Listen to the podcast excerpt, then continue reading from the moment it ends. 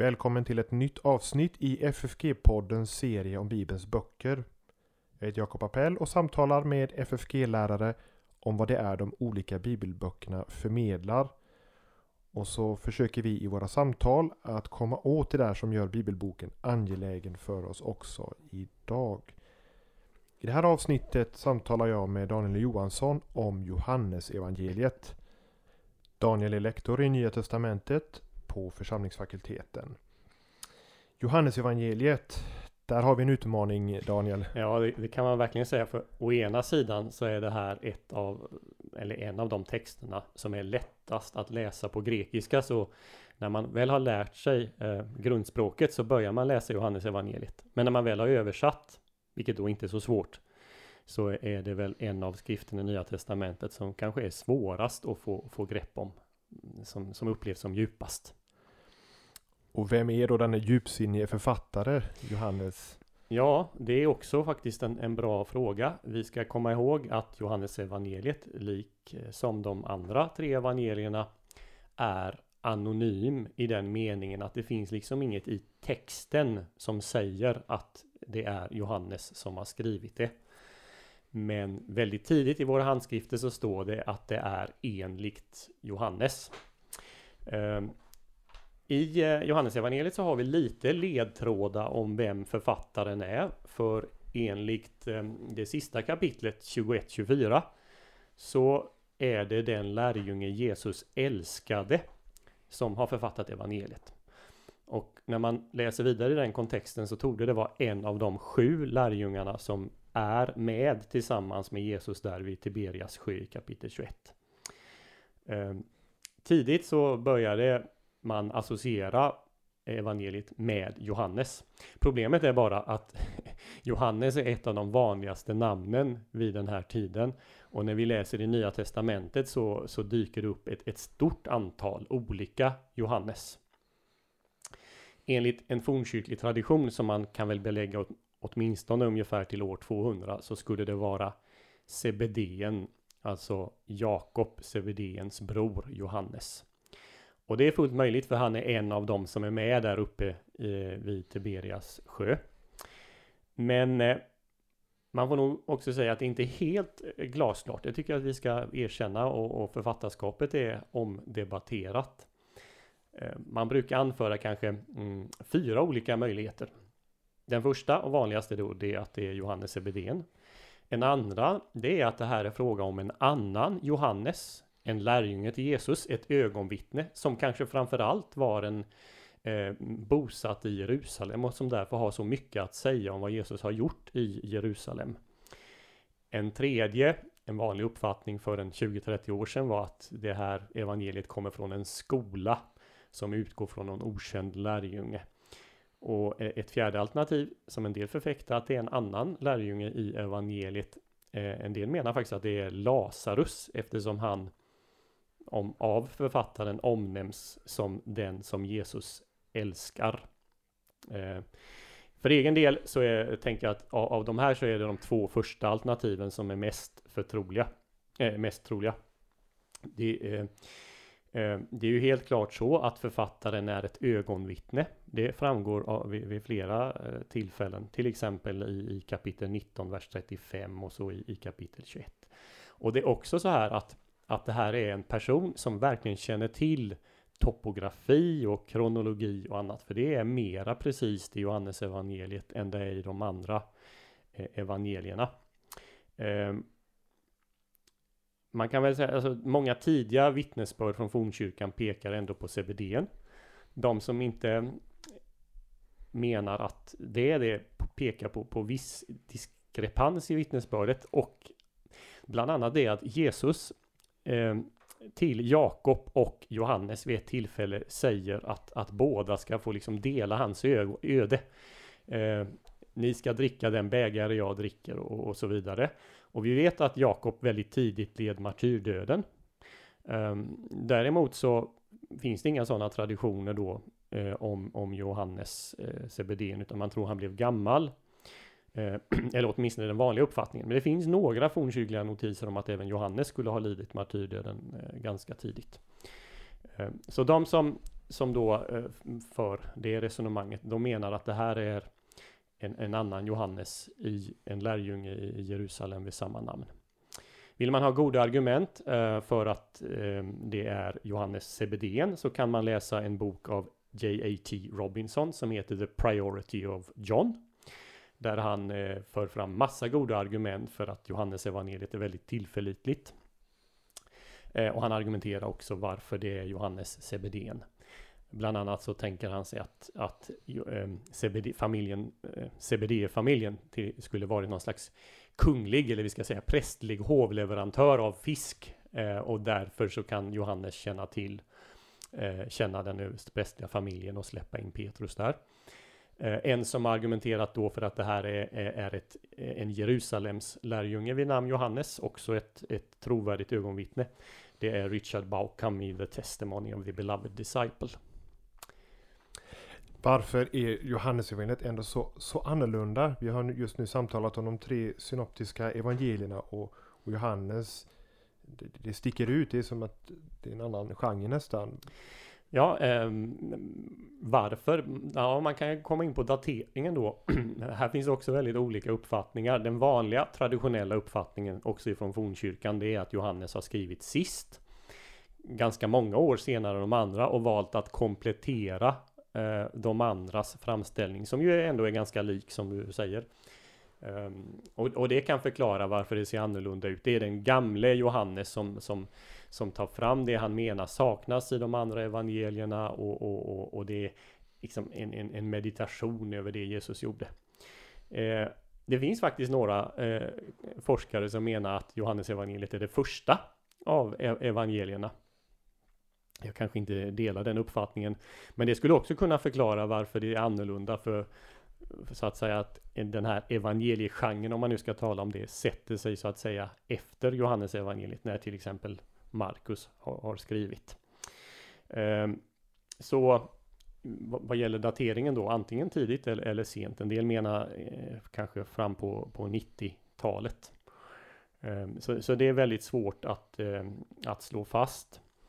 Eh, J.A.T. Robinson som är berömd för att ha ehm, argumentera för tidiga dateringar av alla NT-skrifter tycker att Johannes evangeliet förutsätter att templet fortfarande står och i så fall skulle det också vara skrivet före år, år 70.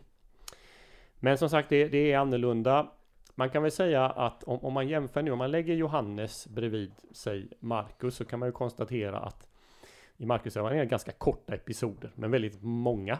Man skyndar snabbt vidare till nästa. Johannes går mycket, mycket långsammare.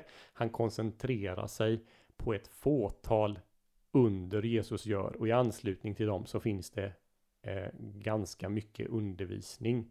Jesus, principen är ungefär den här. Jesus gör ett under och sedan så utlägger han eh, de, ska vi säga, teologiska konsekvenserna av det här undret i, i i ett helt kapitel eller så. Till exempel Johannes 6. Ja, precis. En sak som jag lägger märke till i Johannes är att det är långa avsnitt tillsammans med den samaritiska kvinnan när han botar den blindfödde i kapitel 9 eller den lame i kapitel 5. Skulle du säga att de här långa avsnitten är insatta i ett, i ett sammanhang där han vill beskriva en tematik kanske? den, den symboliska andliga bemärkelsen av att vara född blind och så vidare. Ja, eh, sådana aspekter finns det ju definitivt på det och Johannes väljer ju också till skillnad från de andra evangelisterna att kalla det här för, för tecken snarare än då under eller kraftgärningar som är favoritterminologi för de andra. Han talar om tecken, de pekar vidare. Och, och, tanken med det hela tror jag faktiskt Johannes ger i slutet på evangeliet där han, där han ger oss syftet med skriften. Läser vi Markus och Matteus så då får vi inte något uttryckligt syfte framställt för oss. Författarna talar inte om varför de har skrivit det här evangeliet. Lukas har vi det. Han, han vill visa att det han har undervisat eller det som ehm, eh, Teofilus har fått undervisning om är trovärdigt. Eh, hos Johannes uttrycks syftet på följande sätt i, i alldeles i slutet på kapitel 20. Eh, vers 30 och 31. Många andra tecken, där har vi begreppet, som inte är nedskrivna i denna bok, gjorde Jesus i sina lärjungars åsyn. Vi förstår direkt här att Johannes har gjort ett urval. Eh, och varför? Jo, de här har blivit nedskrivna för att ni ska tro att Jesus är Messias, Guds son, och för att ni genom tron ska ha liv i hans namn. Så tecknen pekar på något djupare som, eh, som sen förklaras av Jesus och ibland av evangelisten i, i hans kommentarer. Och, och, syftet med det är att det ska leda till att man, man blir övertygad om att Jesus är Messias och att det tänds en tro i ens hjärta som leder till att man får, får liv. Och visst är det så här att de de här tecknen, de är sju till antalet. Ska du säga vilka de tecknen faktiskt är? Ja, eh, de är sju till antalet. Därom är alla överens. Sen vilka de är, där finns det lite eh, olika uppfattningar. Och, och, frågan är om man ska räkna eh, att Jesus går på vatten som ett tecken. För räknar man antalet underverk han gör och, och räknar med det, då får man sju. Räknar man inte med det så förstår man att Jesu död och uppståndelse, uppståndelsen då framförallt, är det, det sjunde tecknet. Och, och, nu är det så här, man kan räkna antalet under han gör då, då kommer vi upp i sju om vi räknar med att han går på vattnet. Men sen är det också så här att, att, att Johannes explicit vid sju tillfällen talar om tecken som kopplas till under. Och räknar man så så tog det Johannes mena att det stora sjunde tecknet är Jesu uppståndelse. Eh, eh, ja, det första tecknet, det, där, där, då sägs det ju att det är det första tecknet. Det är ju när Jesus gör eh, vatten till vin i, i kanan i kapitel 2. Eh, och eh, det andra eh, tecknet som han gör, det är när han botar den kunglige tjänarens son. Och där talas också om ett tecken i anslutning till det i kapitel 4, vers 54. Nästa gång det står om tecken, då är vi framme i kapitel 6, vers 2. Men det är en sammanfattning och hänvisar tillbaka till att Jesus gör många tecken genom att bota sjuka. Och det kan vara eh, det kan syfta tillbaka på föregående kapitel, för där har han gjort sitt tredje tecken när han botat mannen vid Betesta. I kapitel 6 nämns tecken några gånger och då syftar det på brödundret Jesus gör. Och i slutet på det kapitlet har vi då att han går på vattnet också. Men, men där talas det inte om något tecken och vi har in, he, inte heller någon utläggning efter det så som vi har i någon mån vid alla de andra tillfällena. Eh, och sen kommer vi till kapitel 9 när han botar den blindfödde och i den 16 versen så kallas det för ett tecken. Och så kommer vi till kapitel eh, 11 är det egentligen när han uppväcker Lazarus. Eh, det skulle då vara det sjätte tecknet och i kapitel 12, vers 18 eh, betecknas det som, som ett tecken också. Eh, och sen har vi då Jesu död och uppståndelse. Och då står det inte om tecken direkt i, i anslutning till det. Men i kapitel 2, innan, eh, eller när Jesus är i Jerusalem, eh, då eh, talas det om att man, man efterfrågar tecken eh, från Jesus sida. Och, och då, då, då börjar Jesus i lite kryptiska ordalag Eh, och, och det här är i, i vers 18 och 19 och tala om hur templet ska rivas ner eller brytas ner och byggas upp igen. Så judarna frågar Jesus Vad för tecken kan du visa oss eftersom du gör så här? Och då säger han Bryt ner detta templet och jag ska resa upp det på tre dagar. Och det kan då vara en, en referens till Jesu död och uppståndelse som det sjunde tecknet. För egen del tror jag att, att vi ska räkna det som det sjunde tecknet. Precis. Det är anmärkningsvärt att, att, att eh, han har så, så noggrant svarvat fram sju tecken som skulle då vara eh, betydelsefulla i ett större sammanhang. Jag noterade till exempel att eh, när Jesus grips så står det bara att eh, Petrus hugger av örat. Men det står inget om att han botar soldaten eh, från det avhuggna örat som står i de andra evangelierna. Men däremot så nämns han vid namn den här ja. Malkus då. Ja. Eh, varför inte detta helande har det samma med det att men, sjutalet kommer, in, kommer att sprängas annars. Eh, och, och, kanske också varför får han det här? Varför nämns han vid namn? Mm, ja, på, jag tror att det har att göra med att han vill koncentrera sig på de här eh, sju tecknen då och, och, därför finns det nog ingen utläggning om att han botade Malkus. Eh, det är ju Lukas som nämner det och det är läkaren som har kanske ett särskilt intresse i det fallet. Jag tror att det finns en, en, en helt eh, historisk förklaring till varför Malkus nämns vid namn, Petrus nämns vid namn, för han är ju inte heller omnämnd i de andra evangelierna. Det stod bara att det var en av lärjungarna som gjorde det. Eh, och att det är samma förklaring som kan ges till varför bara Johannes talar om att Lazarus blev uppväckt eh, från de döda. Eh, till detta kommer att det är bara Johannes som nämner att det var Lazarus syster Maria som smorde Jesus. Det står inte heller i de andra evangelierna.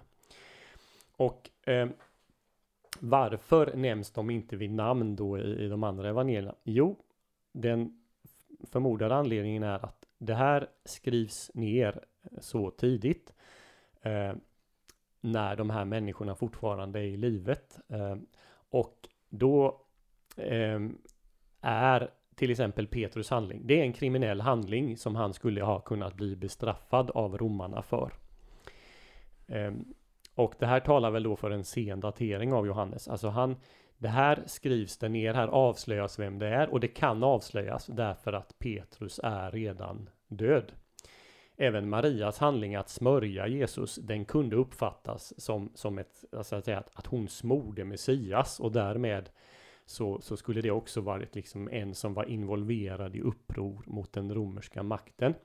Och, och vi vet av Johannes evangeliet självt att ledarskapet de ville döda också Lazarus för att han hade blivit uppväckt av Jesus. Och därför så kanske man tidigt då eh, håller tyst om det i skrifterna och kanske inte då därmed heller tala om det så mycket i, i förkunnelsen. Så jag tror den historiska förklaringen är Johannes är nedskrivet ganska sent. De som är involverade i det här, de lever inte längre och därför så kan de nämnas vid namn. När vi nu är inne på det här med sju tecken. Sju är ett eh, viktigt tal i Bibeln i allmänhet men kanske särskilt för, för Johannes. Det finns eh, så som jag uppfattar det sju sådana här jag, jag är-ord. Vill du säga något om det här med nummersymbolik och, och de, de olika sakerna som tas upp sju tillfällen? Ja, vi har ju redan talat om tecknen då och, eh, och sen har vi de här jag är-orden och då är det så med dem att eh, vi har ju de sju berömda jag är och så kommer en predikatsfyllnad. Jag är den gode heden. Jag är vägen, sanningen och livet. Och räknar man ihop antalet av dem så får man sju stycken sådana jag är-ord. Några av dem eh, förekommer på, på mer, mer än ett ställe. Men, men det viktiga är att det här, den här predikatsfyllnaden kommer eh, med sju olika eh, eh, till sitt innehåll, sju olika. Så Jesus säger först då i, i kapitel 6 att han är livets bröd och i kapitel 8 att han är världens ljus. Och, och sen att han är dörren till fåren i, i kapitel 10 och strax efteråt den gode heden. Där har vi fyra stycken och sen kommer eh, uppståndelsen och livet i samband med att han uppväcker Lazarus i kapitel 11. Vägen, sanningen och livet i kapitel 14, vers 6. Det är en sån där man borde kunna utan till. Och så det sista, att han är det sanna vinträdet alldeles i början på kapitel 15. De är sju stycken, det är otvetydigt så. Men sen finns det också sju stycken jag är-ord utan den här predikatsfyllnaden. Man brukar tala om absoluta jag är-ord. Och eh, eh, då, då är det så med de här att, att några är, är tydligare än, än de andra. Så när, när till exempel Jesus eh, diskuterar med judarna i, eh, som då har, eller en grupp som då är fientligt inställd till honom i slutet på kapitel 8. Så, så säger han de här märkliga orden. Jag är redan innan Abraham blev till. Han talar alltså om ett presens, jag är och sen om något som då har hänt i dåtid, att han existerar innan Abraham blev till. Och, och, flera andra av de här orden är tydliga att Jesus talar som Gud gör i, i Gamla Testamentet. Eh, på några ställen av de här, till exempel det första i kapitel 4 och det är när han samtalar med den Eh, samaritiska kvinnan. Eh, då använder Jesus också det här uttrycket på grekiska blir det ego eimi. Eh, Jo, i, i kapitel 4 då i samtalet i, i vers 26 eh, så säger Jesus så här till den samaritiska kvinnan. Det är jag, den som talar med dig. Och då har hon redan sagt Jag vet att Messias ska komma, han som kallas Kristus. När han kommer skall han förkunna allt för oss. Och så svarar då Jesus Det är jag. Och det, det, kan innebära att Jesus bara bekräftar att det är han. Men, men han säger likväl Ego eimi, jag är. Och det många bibelforskare tror är att det är en anspelning på gudsnamnet redan där. Och tar man med den här och, och alla de andra så kommer man upp i, i sju eller nio stycken. Därför att den sista gången Jesus använder det här, det är när han grips i kapitel 18. Eh, då sägs det här tre gånger. Eh, först så säger han jag är och vad händer då? Jo, alla soldaterna faller till marken och man förstår att det här är något något av en teofani eller så. Va? Alltså de här orden är så starka, ungefär som när Gud talar i Gamla Testamentet, så att människor av skräck faller till marken. Sen kommenterar eh, evangelisten det här och, och, säger att när Jesus sa jag är, då föll de till marken. Och sen upprepar Jesus det en gång till. Så antingen sju eller nio. Det som är eh, det riktigt märkliga med det här, det är att när man läser det här i ljuset av Gamla Testamentet så kan man också räkna sig till sju eller nio gånger beroende på om man använder den grekiska eller den hebreiska bibeln. Eh, och, och, då är det Gud som använder det här uttrycket. Och nu tror eh, eller de flesta associerar nu med, med um, den brinnande busken här och hur Gud uppenbarar sitt namn. När Jesus säger jag är. För, för Gud när han visar sig i den här busken har ju sagt att det är jag är som har sänt eh, dig, säger han till Mose. Och Mose ska gå till Egypten och berätta att han har blivit sänd av Gud. Mm. Och, och, det är en möjlig koppling, men det finns en, en, närmare koppling, särskilt om man ser till hur det har blivit översatt i den grekiska översättningen. Eh, nämligen när, när Gud på, på sex gånger i Jesaja bok använder den här beteckningen om sig själv, jag är och en gång i femte Mosebok kapitel eh, 32. Så jag tänker nog för egen del att det är nog i, i första hand en anspelning på de här ställena. Och det här är, är ställen när Gud väldigt, väldigt starkt betonar att han är den enda sanne guden, den enda som existerar, han som har skapat allting, den som har funnits före allting och så vidare. Så att Jesus använder ett uttryck som i gamla testamentet används för att, att liksom betona tron på en enda gud, monotismen. Och likväl så ingår han så att säga i den här, i vad det är att vara Gud. Får jag flika in här och, och det här nu nämner du om, om, om att Jesus använder vad som skulle kunna vara en hänvisning till, till, till Guds namnet jag är. Redan i första kapitlet har vi detta med att ordet var hos Gud och ordet var Gud och ordet blir kött. Denna höga förståelse av vem Jesus är, han som föddes. Och så har du i det sista, eller, eller åtminstone kapitel 20 där, Thomas bekännelse, min Herre och min Gud, jag är. Vill, vill du säga något om det här med vem Jesus är, att han är Gud själv och hur det på lite olika sätt framkommer i Johannes evangelium? Mm. Eh, om, om man ska liksom sammanfatta innehållet i Johannes kan man ju göra det på flera sätt. Men, men en sak som verkligen står ut, det är ju att e, ett återkommande tema är ju vem Jesus är. Och att det för människor handlar om att bekänna att han är just den han gör anspråk på att vara. Och, och, och vi allmänt brukar man säga att i Johannes evangeliet så har vi den högsta kristologin i hela nya testamentet. Det finns ingen som starkare uttrycker att Jesus är sann Gud jag, jag, vet inte om, om jag håller med riktigt om att vi har den högsta här. Eh, jag, jag, tror att vi har så att säga en lika hög på andra ställen, även i de synoptiska evangelierna. Men den uttrycks inte riktigt på, på samma sätt. Och Johannes han går ju ut, eh, ska vi säga, hårt direkt. Han, redan i, i liksom den första versen så talar han om att ordet, eh, ordet var Gud. Och, och, och så avslutas också själva, eh, själva prologen i vers 18 med att, att, att liksom koppla Jesus till Gud på det sättet. Så prologen, inledningen, vi har kanske inte talat riktigt här om strukturen på Johannes evangeliet. kan ju nämna det innan vi, vi går vidare med kristologin. Johannes evangeliet är ju uppbyggt eh, av en inledning som man brukar kalla Johannesprologen, de första 18 verserna. Eh, och sedan kommer den första huvuddelen av evangeliet som beskriver Jesu offentliga verksamhet Ehm, fram till slutet av kapitel 12. Och, och sedan har vi Jesu lidande eh, historia och uppståndelse i från kapitel 13 till 20. Som då inkluderar framförallt Jesu avskedstal och så händelserna eh, eh, när han blir tillfångatagen och, och förhörd och eh, Golgata och så uppståndelse. Och sen har vi en epilog. Kapitel 21 brukar betraktas som en epilog.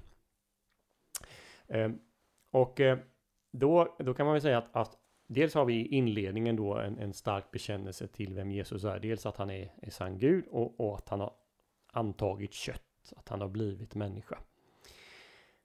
Och, och sedan i eh, den första delen av evangeliet då, första huvuddelen fram till slutet på kapitel 12. Så handlar väldigt, väldigt mycket om att, att Jesus visar vem han är. Dels genom ord, han talar om hur han har utgått ifrån Fadern, hur han gör Faderns gärningar och, och så vidare. Men också då genom de tecken han gör.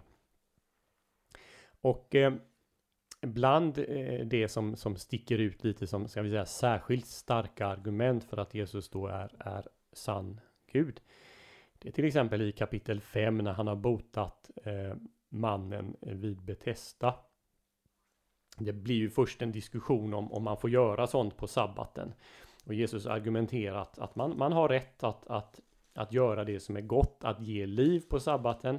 Och det leder i sin tur till att Jesus ger liv på samma sätt som Fadern. Där har vi liksom ett anspelning på skapelsen. Eh, men Jesus kommer också snabbt in på, på, på uppståndelsen och hur han på det sättet ska ge liv och att han ska uppväcka eh, de döda. Så, så, Jesus talar om att han går in i och gör samma gärningar som, som Fadern gör och som, som Gud gör. Och reaktionen på det han gör, det är ju att, att folk vill här då för första gången eh, eh stena Jesus för att han han, han begår eh, blasfemi, eh, hädelse. Eh, det står det i, i eh, ja, det står inte uttryckligen att de ville stena honom, men att de ville döda honom i den 18, 18 versen. Och, och sen fortsätter han med att utlägga det här. Eh, så, och, och, och, väldigt starka ord här i den 26 versen. Till liksom fadern har liv i sig själv så har han gett åt sonen att ha liv i sig själv. Och så ska så säger han vidare att, att alla som är i gravarna ska höra, höra hans röst. Ehm, så där har, vi, där har vi ett exempel ehm, på det. Ehm, även i, i kapitel 8 så leder det Jesus säger till exempel att han existerar före Abraham leder till att man tar upp stenar för att döda honom. Då förstår de som hör honom att han gör anspråk på att vara, vara Gud själv. Det som eh, kanske kännetecknar Johannes eh, mer än, än de andra synoptiska evangelierna. Det är några passager där Jesus på antingen själv eller evangelisten Johannes eh, påpekar, och det är ju något du själv har skrivit om, om, om Jakob, det här med att, att Jesus, eller inte att, att som Guds son så har han varit aktiv i, i Israels historia. Eh, det har vi på några ställen och, och, kanske ett av de tydligaste har vi väl i, i slutet på, på den offentliga verksamheten, alltså del 1. Eh, där när, när Johannes då själv kommer in på en reflektion varför man inte, inte kom till tro eh, på honom. Och, och då så tar han fram Jesaja kapitel 6. Eh, ja, det är egentligen både Jesaja kapitel 52 och, och kapitel 6. Och i, i kapitel 6 så är det, så från Jesaja 6 så står det här. Han har förblindat deras ögon och förstockat deras hjärtan. Ehm, och, och sen kommer Johannes med den här kommentaren. Detta sa Jesaja därför att han såg hans härlighet och talade om honom. Det måste vara en, en referens till att, att Jesaja såg Herren på en hög upphöjd tron i templet. Men enligt Johannes så såg han Guds son. Att det var så att säga Jesus som visade sig för Jesaja. Eh, och, och, vi har några sådana nedslag. Vi behöver inte nämna de andra. De, de får läsa din skrift för att få, få, få, få se det. Och skriften heter Kristus före Jesus och finns eh, i FFGs småskriftserie här. Får jag väl flika in när du ändå eh, talar om boken. Får jag eh, eh leda över tankarna till, till en, en, eh, en vers här, Johannes 3, vers 6. Det står Det som är fött av kött av köttet är kött och det som är fött av anden är ande. Jag vet att du har skrivit om människosynen i Johannes evangeliet och man får intrycket av att Johannes, eller Jesus får vi säga, är väldigt negativ, väldigt kritisk till den mänskliga naturen och köttet. Och så samtidigt så talas det här om anden och jag själv har noterat att det är otroligt mycket om anden och vad anden ska göra i Johannes evangeliet. Ofta tänker man att, att, om anden då får man gå till Paulus och, och, breven för att få undervisning. Men här, här är mycket. Vill du säga något om detta? Om köttet och anden. Om, om människan och människans kapaciteter och förmågor. Och anden så som Johannes evangeliet eh, talar om honom. Mm. Ja, om vi börjar med, med människosynen så, så kan man väl konstatera vid en, en genomläsning av evangeliet att det är en ganska så pessimistisk, eh, andra skulle säga realistisk syn på människan.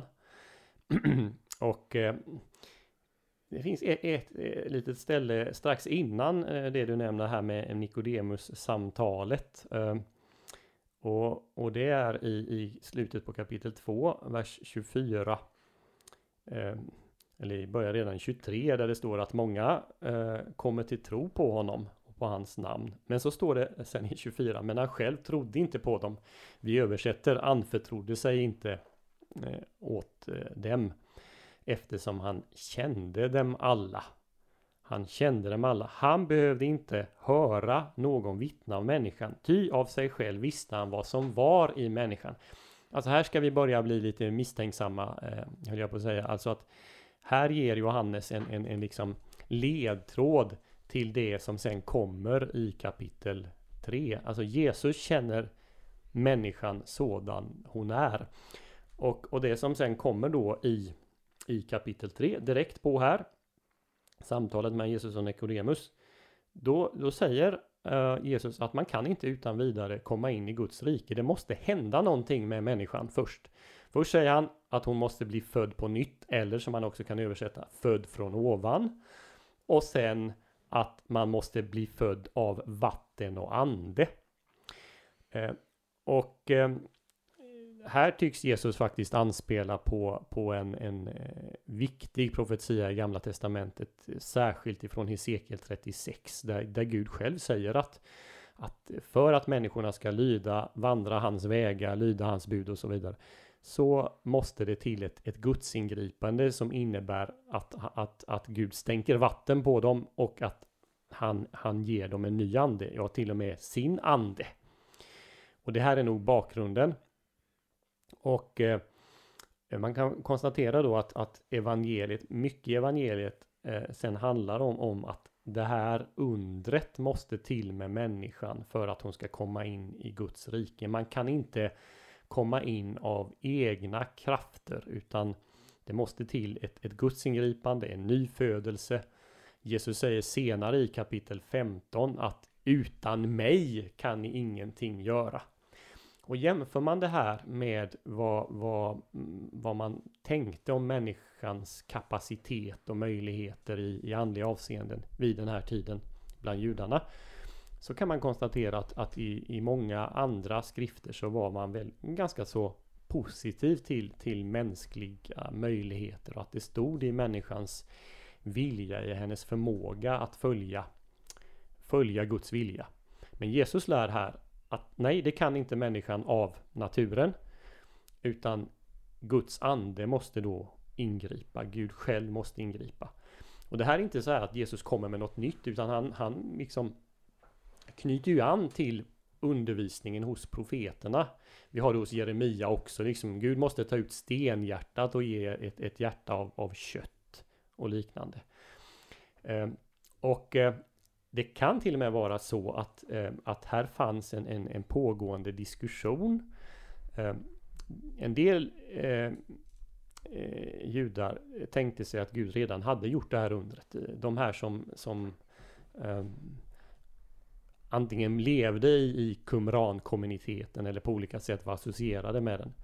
Där förstår vi att, att de menar att Gud har utgjutit sin ande redan på det här sättet. Men Johannes evangeliet och Jesus själv här eh, menar det har inte skett ännu. För det måste ske en annan sak innan det här kan ske. Eh, och det säger Jesus lite, eller Johannes säger det ska vi säga, när han kommenterar vad Jesus gör i kapitel 7. När Jesus då står där och ber folk komma till honom för att ta emot hans levande vatten. Så kommenterar Johannes och säger att det sa han om anden. Som de skulle få. Som skulle komma till tro på honom. Och, och så kommer den lilla kommentaren att, att anden var ännu inte. Eh, och när blir anden enligt Johannes evangeliet? Jo, det blir anden först när Jesus blir förhärligad. Eh, och när blir Jesus förhärligad? Jo, det blir han på korset. Och om vi ser hur Johannes sen har formulerat vad Jesus gör när han dör så förstår vi att, att Jesus på något sätt ger sin ande i samband med han, med han dör. Det står om att, att Jesus så att säga andas ut sin sista suck och det är väl så vi tänker oss det att, att han, han andas ut sista sucken och dör. Men Johannes har formulerat det på ett sätt som innebär att han överlämnar anden för han använder ordet paradidemi som betyder att överlämna något. Det är det som är, motsvaras av, av eh, latinets traditio, att tradera något. Han överlämnar anden och när Jesus sen har uppstått på, på påskdagens kväll så står det, skriver Johannes, att han påandas dem, vilket är ett ord som, som används om, om Gud i, i tidernas begynnelse när människan skapas. Då står det om att Gud andas på människan så att hon blir liv. Ehm, det står även det i Hesekiel 37 i beskrivningen av de döda benens dal. För att de ska få liv igen så måste anden andas eh, på dem. Ehm, Johannes väljer det verbet och så står det att Jesus andades då på lärjungarna och sa tag emot helig ande. Då tycks så att säga de första lärjungarna bli påandades eh, och, och de får Guds heliga ande. Och det sker med dem som Jesus har lovat i eh, Johannes kapitel 3, att de blir födda på nytt av, av ande. Vattnet kanske i det här fallet eh, eh, det, det ges något undantag för eh, lärjungarna. De tycks ju inte bli, bli döpta. Men, men eh, det, det gäller ju sen att bli döpt och få den heliga ande. Så Ja, det, det, är något om, om alltså i jämförelse med vad, vad, vad de flesta judar vid den här tiden som, som var väldigt positiva till mänskliga, den mänskliga förmågan så, så framställer Jesus och Johannes det här eh, i, i, mycket mer pessimistiskt ljus. Gud måste ingripa. Eh, och hur ingriper Gud? Jo, med, med den heliga ande. Så den heliga ande får här agera som vi bekänner i den isenska trosbekännelsen som liv givaren. Eh, alltså vad, ja, överhuvudtaget så finns det ju väldigt mycket undervisning om anden. Det är lite som att lägga ett pussel eh, för att det finns strödda notiser över evangeliet. Men så finns det också en koncentrerad eh, undervisning om anden i, i samband med Jesu avskedstal. Där han då talar om, om någon som han benämner parakleten. Här kan man översätta lite olika. En del mer att man ska översätta det med hjälparen eller försvararen, advokaten. Och det finns fem avsnitt i eh, Jesu avskedstal till sina lärjungar där han talar om, om den heliga ande och beskriver vad anden ska göra på olika sätt. Vi har det redan i kapitel 14 vid ett par tillfällen och så, så har vi det i kapitel 15 och så framförallt i kapitel 16 där vi har ett längre avsnitt som går hela vägen från vers 4 till, till vers 15. Eh, om jag ska nämna något av det som, som, som tas fram här om anden så är det bland annat att anden ska liksom kasta ljus över det som lärjungarna har erfarit och vad Jesus har gjort. Johannes har vid flera tillfällen kommenterat och sagt att det här förstod inte lärjungarna när det hände. Det var först efter att han hade uppstått som de förstod det. Och, de först och, och det betyder i praktiken att det är först när anden kastar ljus över de här händelserna som de förstår vad de innebär. Till exempel när Jesus rider in i Jerusalem. Då står det att de fattade inte det då. Det fattade de först senare. Nämligen att det var en uppfyllelse av Sakarja profetian. Eh, så det är inte det att anden kommer med något nytt, men anden kastar ljus över det som Jesus har gjort och vittnar om Jesus och vittnar om, om samma saker.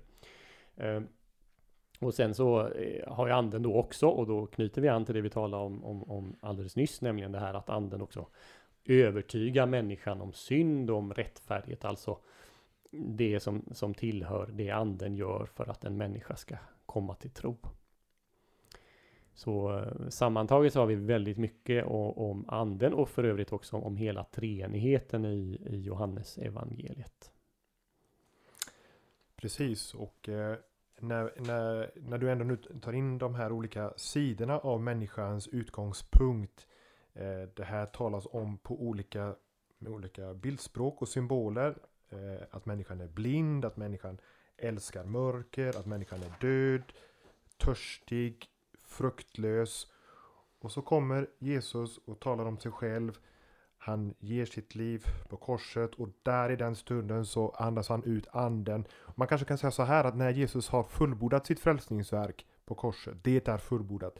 Ja, då, då släpps anden ut så att säga och han, han måste göra det därför att nu finns verkligen något att peka på som ger liv, som ger frukt, som ger rening, som ger ljus och allt det där som vi inte har i oss själva. Eh, precis, bara, bara ett exempel som kan liksom knyta sen korset till, till Nikodemus och det anden gör, hur anden visar på Jesus. Eh, Jesus säger ju själv i samtalet med Nikodemus att människosonen måste upphöjas som, som eh, Mose upphöjde ormen i öknen. Och de som såg upp och eh, de levde. Och så uppenbarar anden då att den på korset upphöjde den ska människorna se på och så få liv och, och leva. Så att det är en massa sådana teman i Johannes evangeliet där, där liksom olika ställen hän, att de hänvisar liksom fram och tillbaka till varandra. Det är liksom som ett, som ett nät eh, där. Och det kan man ju säga så att anden är ju i allra högsta grad aktiv i, i, i, eh, i skrivandet av till exempel då Johannes evangeliet så att vi som läsare vi får ju all den här hjälpen som, som de första lärjungarna inte hade.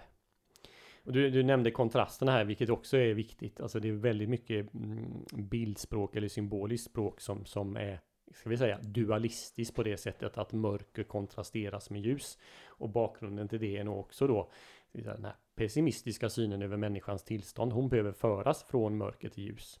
Eller också djupt symboliskt i Jesu botande av den från födseln blinde mannen.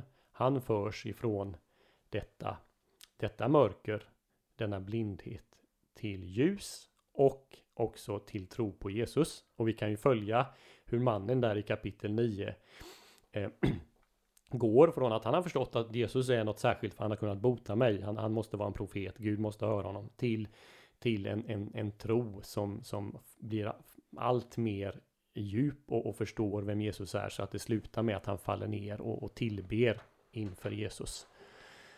Um, och, och, så här, här får vi också de här två, vilket är vanligt i Johannes, att, att han tycks liksom berätta för oss på två plan. Historiskt sker något som Jesus gör, men vi förstår att parallellt med det finns ett högre eller ett, ett, ett djupare skeende också, ett, ett andligt sådant som, som beskriver människans andliga situation och hur de kommer till, kommer till tro och, och liknande. Jag kan bara eh, flika in här och tänka på det här med när Jesus precis har andats ut anden där på korset. Jo, vad händer? Johannes, eller den som står där vid korset, ser och ser allt det som sker i tro. Eh, vem det är som har blivit genomborrad. Eh, och, och, att eh, det står så här. Den som har sett detta har vittnat för att också ni ska tro. Och hans vittnesbörd är sant och han vet att han talar sanning. Det vill säga när anden är utgjuten då är det en bokstavligt talat som ser och ser ja. det med rätt ögon och i tro och kan vittna då för oss andra att det är det här som, som går i uppfyllelse. Ja. Och så har anden så att säga verkat där så att vi kan läsa om det här och därmed se. Apropå det, det Johannes säger ju då en liknande sak när han kommer till den uppståndne och till graven. Att han ser och han tror, står det där. Så det här med att se till exempel är ju, är ju då närmast synonymt med att, att tro. Vilket inte är konstigt, då är vi tillbaka igen i, i, i hur Mose höjer, upphöjer ormen som man ser på och, och tror. Ja precis, man, man ser det med, med rätt ögon. Ja. Inte bara en död avrättad brottsling här utan det här är Gud själv som är genomborrad och här strömmar denna livskälla fram ur hans eh, genomborrade. Ja, och tala om källa då, det står ju också att eh, strax efter så, så, så stöter en, en soldat upp spjutet i, i, i sidan och ut kommer, eh, kommer vatten och blod. Och här kan vi nog också tänka oss att, att här finns ett, ett, eh, ett dubbelt budskap till oss i positiv mening dubbelt. För ena sidan så är det så att säga historiskt eh, så förstår vi här att nu är Jesus verkligen död för, för vätskan är separerad ifrån från blodet. Men, men här finns kanske också en, en, en, eh, en anspelning på, på möjligen på, på dopet och vattnet. Eh, ehm, och vattnet och anden, anden associeras ju med vattnet och, och blodet. Eh, då möjligen en anspelning också på, på nattvarden. Ehm, och att, och, att, vi här då har en ank, eh, anknytningspunkt till kapitel 6 om, om hur man hur man ska äta hans kött och, och dricka hans blod. Precis, det här måste du säga något om. Hur ska man förstå Johannes 6 om just det du sa och gärna också Johannes 3 om, om att födas av vatten och ande. I synnerhet när det i övrigt inte verkar vara någon referens till dopet och nattvarden. Inga instiftelsetexter och så i Johannes evangeliet. Ja, det, här, det här är väl bland det mer kontroversiella i evangeliet och där, där olika utläggare drar väldigt olika slutsatser. Man kan väl säga så att om man har en sakramental syn på, på ting så tenderar man att, att, eh, att se sakramenten här i kapitel 3 dopet, kapitel 6 nattvarden. Om man har då en mer symbolisk syn på, på dop och, och nattvard och så, så tenderar man att inte se de kopplingarna. Vad gäller kapitel 6 så, så var det ju redan alltså under, under reformationstiden något som var väldigt omdiskuterat och, och eh, även Luther drar ju slutsatsen att kapitel 6 handlar inte om, om nattvarden utan, utan här handlar det om så att säga att, att äta och dricka Kristus i, i tron eh, och inte specifikt i sakramentet. Eh, och eh, ja, för egen del må jag säga att jag, jag är lite, lite delad. Eh, så det, det, finns nog en, en Alltså det, det, jag, jag, tänker att det kanske finns någon, någon dubbel mening också där att ja, det handlar om, om trons ätande och, och, och drickande eh, på ett plan. Men det är klart, det är svårt att utifrån mm, kyrkans liv och nattvardens firande att ändå inte se någon, någon anspelning på på nattvarden i, i de texterna. Eh, samma sak med, med, med dopet. Jag tror att Alltså när Jesus talar om att bli född av vatten och ande så tror jag inte att han menar att Nikodemus nu ska förstå att han talar om det kristna dopet som Jesus ännu inte har instiftat. Och, och Jesus förväntar sig ju faktiskt att Nikodemus ska förstå det han talar om. För han, han säger liksom du är Israels lärare och fattar inte det här. Um, det tycker jag menar pekar på att, att Jesus talar om någonting som, som står i gamla testamentet, för det är det som Israels lärare ska undervisa om. Så, så prim, primärt tror jag att han talar om uppfyllelsen av särskilt Hesekiel 36 då. Men naturligtvis för, för den kristne som, som är döpt så förstår man också att här, här finns också en anspelning på det, på det kristna dopet. Och det lär vi oss av övriga nya testamentet sen. Hur, hur får du eh, vatten eh, och, och, hur, blir, hur får du den and, anden? Jo, i, i Petrus säger i eh, Eh, apostlagärningarna 2 att eh, när ni blir döpta i vatten så får ni också den heliga ande. Eh, så, så nog finns det en anspelning på dopet där, det, det tror jag. Den, är, den liksom kan inte en kristne läsaren komma förbi. Så när Johannes skriver för de, för de kristna, säg på, på 70-80-talet, så tror jag att, att de i, i det här ändå ser anspelningar på dop och nattvard. Jag har redan lite grann tangerat det som Johannes vill lyfta fram om Jesus sista vecka, hans eh, lidande och död och om påsken. Men skulle du ändå här, vi börjar komma mot slutet av det här avsnittet, vilja säga något. Vad vill Johannes särskilt lägga tryck på när det handlar om Jesu lidande och död? Och sedan uppståndelse och vad som hände efter Jesu uppståndelse. Mm. Eh, gärna. Bara först kanske vi ska bara nämna att, att det, här, det, det här utspelas under påsken. Eh, men det är mycket av det som, som Johannes berättar om som utspelar sig under olika judiska högtider. Eh, och eh, påsken omnämns vid flera tillfällen, åtminstone vid tre olika tillfällen. Och så har vi några referenser till lövhyddohögtiden och även till tempelinvigningen. Så vi förstår att, att de judiska festerna Ehm, de religiösa sammankomsterna i Jerusalem, de var väldigt viktiga för Johannes och för Jesus. Han gör många saker i anslutning till dem. Ehm, det som eh, eh, kan man väl säga ehm, skiljer Johannes lite grann från de tre synoptiska evangelierna vid framställningen av Jesu död Ehm, det är att han anlägger ett lite annorlunda perspektiv. Alltså de andra får vi nog säga generellt lägger ett stark betoning av, av Jesu lidande. Eh, Johannes förminskar inte det på något sätt, men man, man kan ana att det finns liksom att, att, Jesus verkligen går med högburet huvud igenom allt det här. Eh, han talar ju om att Jesus ska bli upphöjd och, och han talar om ett förhärligande, ett ärande.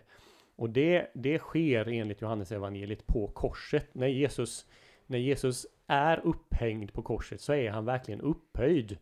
Och inte bara i någon negativ mening utan också upphöjd så att man kan liksom ana att korset är också liksom Jesu konungsliga tron från vilken han regerar. Eh, och, och, det är hela stämningen i, i det här vi har ju det här när, när, soldaterna kommer, som vi nämnde tidigare, hur, hur, Jesus uttalar sitt Jag är och de faller till marken. Eh, eh, och, och, och, Johannes betonar inte Jesus, hur Jesus kämpar i bön i ett semane så att det kommer blodsdroppar. Utan det, det är som konungen kan man säga. Eh, som Jesus går igenom hela sitt lidande som leder till hans kröning. Och, och, jag tycker att eh, ingen har nog framställt det här så, så väl som, som Johann Sebastian Bach i sitt eh, i sin Johannes passion. För där finns den här spänningen i, i den inledande kören. Eh, orkestern spelar otroligt dramatisk musik med massa dissonanser.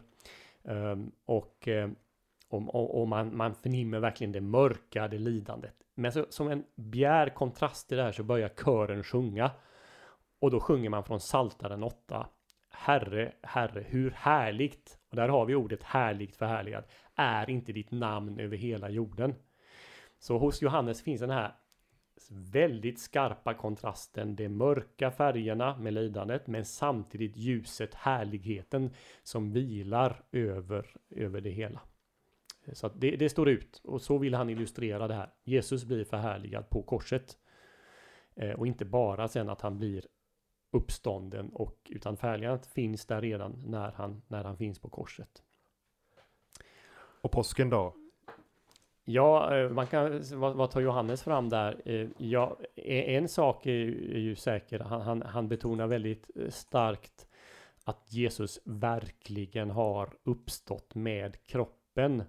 Eh, inte minst Thomas eh, Thomas han vill ju ha bevis, inte bara höra vad de andra har sett och han vill försäkra sig om att Jesus verkligen inte bara är ett, eh, någon ande som har visat sig eller ett spöke eller någonting sånt utan han vill verkligen få känna i, i, i spikhålen i sidan att det här verkligen är, är, är kött och, och ben.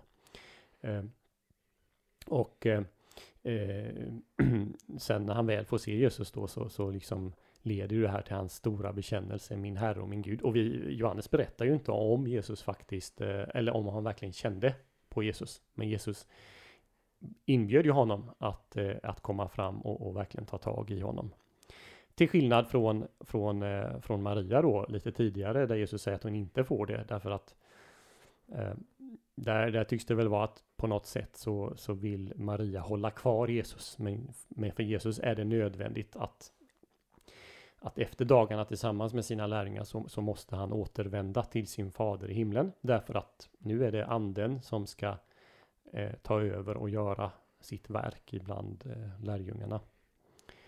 Eh, och eh, även här är Johannes lite mer, eh, ska vi säga, eh, mm, han begränsar antalet tillfällen till, till att de ser Jesus ha lite mer av utläggning Eh, så två gånger så möter han då eh, lärjungarna i, i, i den här stängda salen och sen så har vi ju då det här fiskafänget eh, uppe i, i Galileen igen. Där lärjungarna får upp en, en enorm mängd fisk som väl samtidigt är, på något sätt symboliserar den människofångst, det uppdrag i missionen som de sen ska utföra. En sista fråga Daniel. Vi är framme i sista kapitlet. Jesus upprättar Petrus, en, en, en kär bekant text för många. Det, det, det slutar där, Johannes evangelium. Vad är det som är viktigt här ur, ur Johannes perspektiv? Mm, jag tror att här har vi ett exempel på det här med hur Johannes eh, kompletterar eh, de andra evangelierna. För att ingen av de andra berättar ju hur Jesus upprättar Petrus. Och mm, eh, vi förstår ju att han har blivit upprättad och han har ju Jesus har egentligen förutsagt att han ska bli det. Men, men här får vi en berättelse om hur, hur, Jesus, på samma sätt som Petrus har förnekat Jesus tre gånger, så, så, så frågar Jesus honom tre gånger om han, om han älskar honom. Och så får Petrus då sitt uppdrag att, att föda hans får, att bli, bli en herde för hans får. Vilket i sin tur knyter tillbaka och då har vi återigen de här stora mönstren och, och i evangeliet knyter tillbaka till kapitel 10 och Jesus, eh, Jesus som herden. Eh, så he, hela den här eh, epilogen kapitel 21 eh, syftar väl då till att eh, här får vi liksom en utblick framåt i tiden vad som vad lärjungarna nu ska göra efter att Jesus har eh, lämnat dem. Allt i syftet eh, att de ska komma till tro på att Jesus är Messias och Guds son och, och få tron och, och, liv i hans namn. Precis. Här finns otroligt mycket mer att tala om eh, Daniel, Johannes evangeliet. Vi kan bara hoppas att det här samtalet har blivit en, en inspiration till eget studium av, av Johannes evangeliet till er som har lyssnat. Eh, tack för att du har lyssnat och tack Daniel för det här Eh, Eh, samtalet. I, I, nästa avsnitt så samtalar jag med Rune Inberg om Apostlagärningarna. Den spännande skildringen av den kristna kyrkans första tid och evangeliets spridning där i Medelhavsområdet. Om du vill stödja den här typen av genomgångar i FFG-podden så kan du göra det enkelt med hjälp av en swishgåva till swishnummer 123 100 8457. Fler resurser, artiklar, inspelningar finns på vår hemsida www.ffg.se och det är fritt att använda det. Och på hemsidan har du också senaste nytt information om vad som händer här framöver.